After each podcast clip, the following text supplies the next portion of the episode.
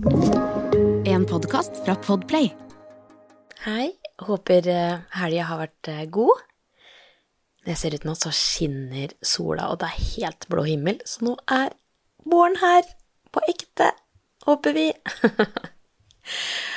og i dag så hadde jeg lyst til å snakke litt om unike overnattingssteder. Eh, som mange vet, så elsker jeg overnattinger utenom det vanlige, og jeg elsker å ha med barna på sånne unike overnattingssteder. Og noen ganger så lurer jeg på hvorfor eh, gidde å ta med barna på noe som kan tidvis oppleves som veldig lite barnevennlig. Men jeg sitter igjen alltid med en følelse av at det var så verdt det. Dette er Positivistapodden, og jeg heter Merete Gamst.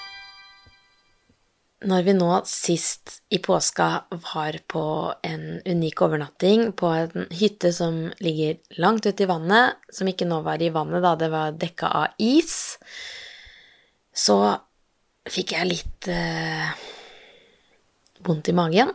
Og det var rett og slett for utafor den ene skyvedøra så var det et stort hull i isen hvor man kunne isbade. Og når jeg kom inn der, så tok det ikke lang tid før jeg tenkte Tenk om dattera mi på fire år åpner den døra eh, og faller i det hullet uten at vi ser det. Ikke sant? Den kjente litt at jeg fikk litt panikk for det, og tenkte åh, tenk om hun våkner på natta og går ut der og Ikke sant? Så jeg fikk eh, rett og slett eh, litt sånn eh, Kjente på en små panikk for det når jeg kom dit, og så tenkte jeg samtidig, Merete, nå må du ta deg sammen. For hva er egentlig oddsa for at hun åpner den døra og faller i det hullet? Og så gikk jeg og sjekka den døra, den var kjempevanskelig å åpne. Det er ikke en dør Amelie klarer å åpne uten å få hjelp fra en voksen. Så da kunne jeg roe meg med det, og det å huske at den døra må være lukka, det, det får vi til. Og det er jo noen sånne ting når man bor på rare overnattingssteder, at uh, man enten er høyt oppe i fjellet, eller man er uh, oppe i tretoppene og dingler.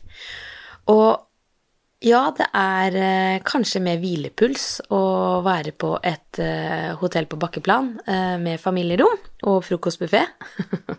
Å, det hørtes særlig ut. Jeg er veldig glad i det òg. Men det er noe med å gjøre ja, dra på sånne steder som bare er noe helt annet enn det man er vant til, som gir så veldig mye tilbake.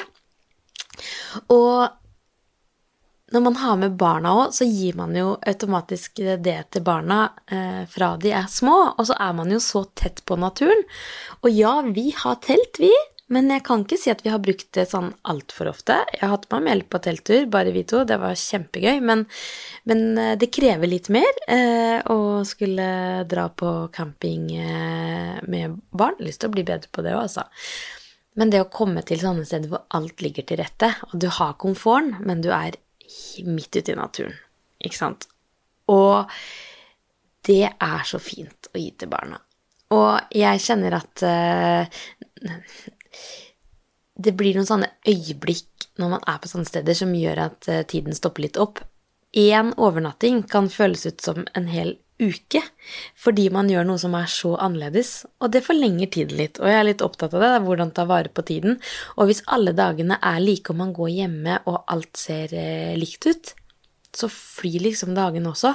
Men hvis man fyller de med eh, noen spennende utflukter, så kjennes det som eh, man får gjort mer, får sett mer, og opplevd rett og slett mer som gjør at uh, man kan på en måte forlenge tiden litt.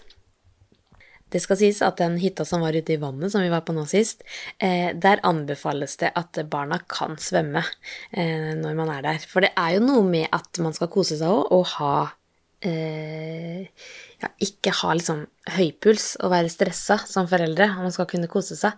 Men jeg syns veldig mange av stedene har lagt til rette for at eh, man kan ha med barn.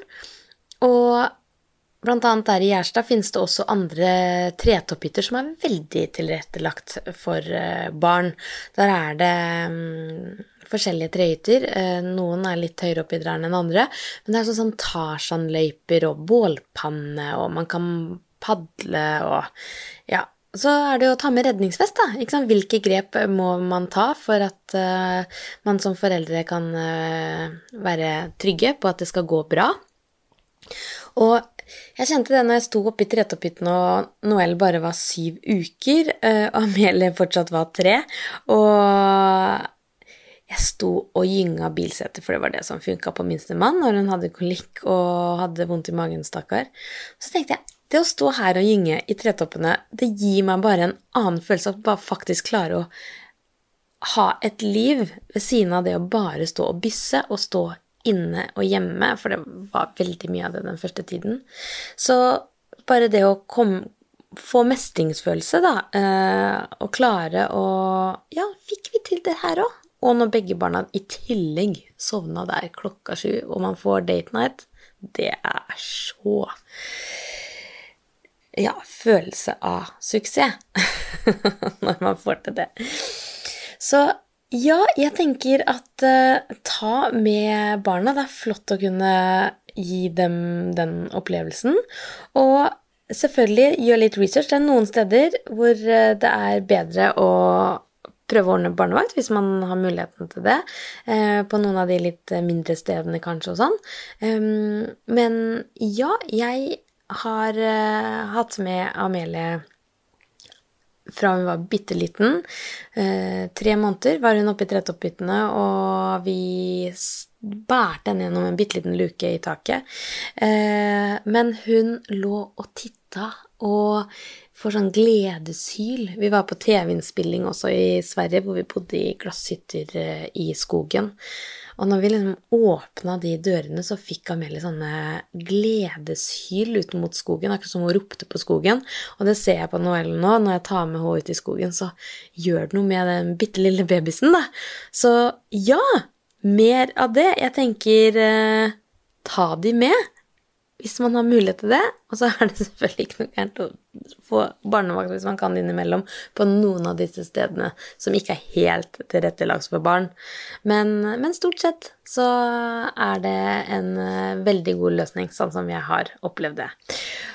Nå ønsker jeg deg en nydelig vårdag.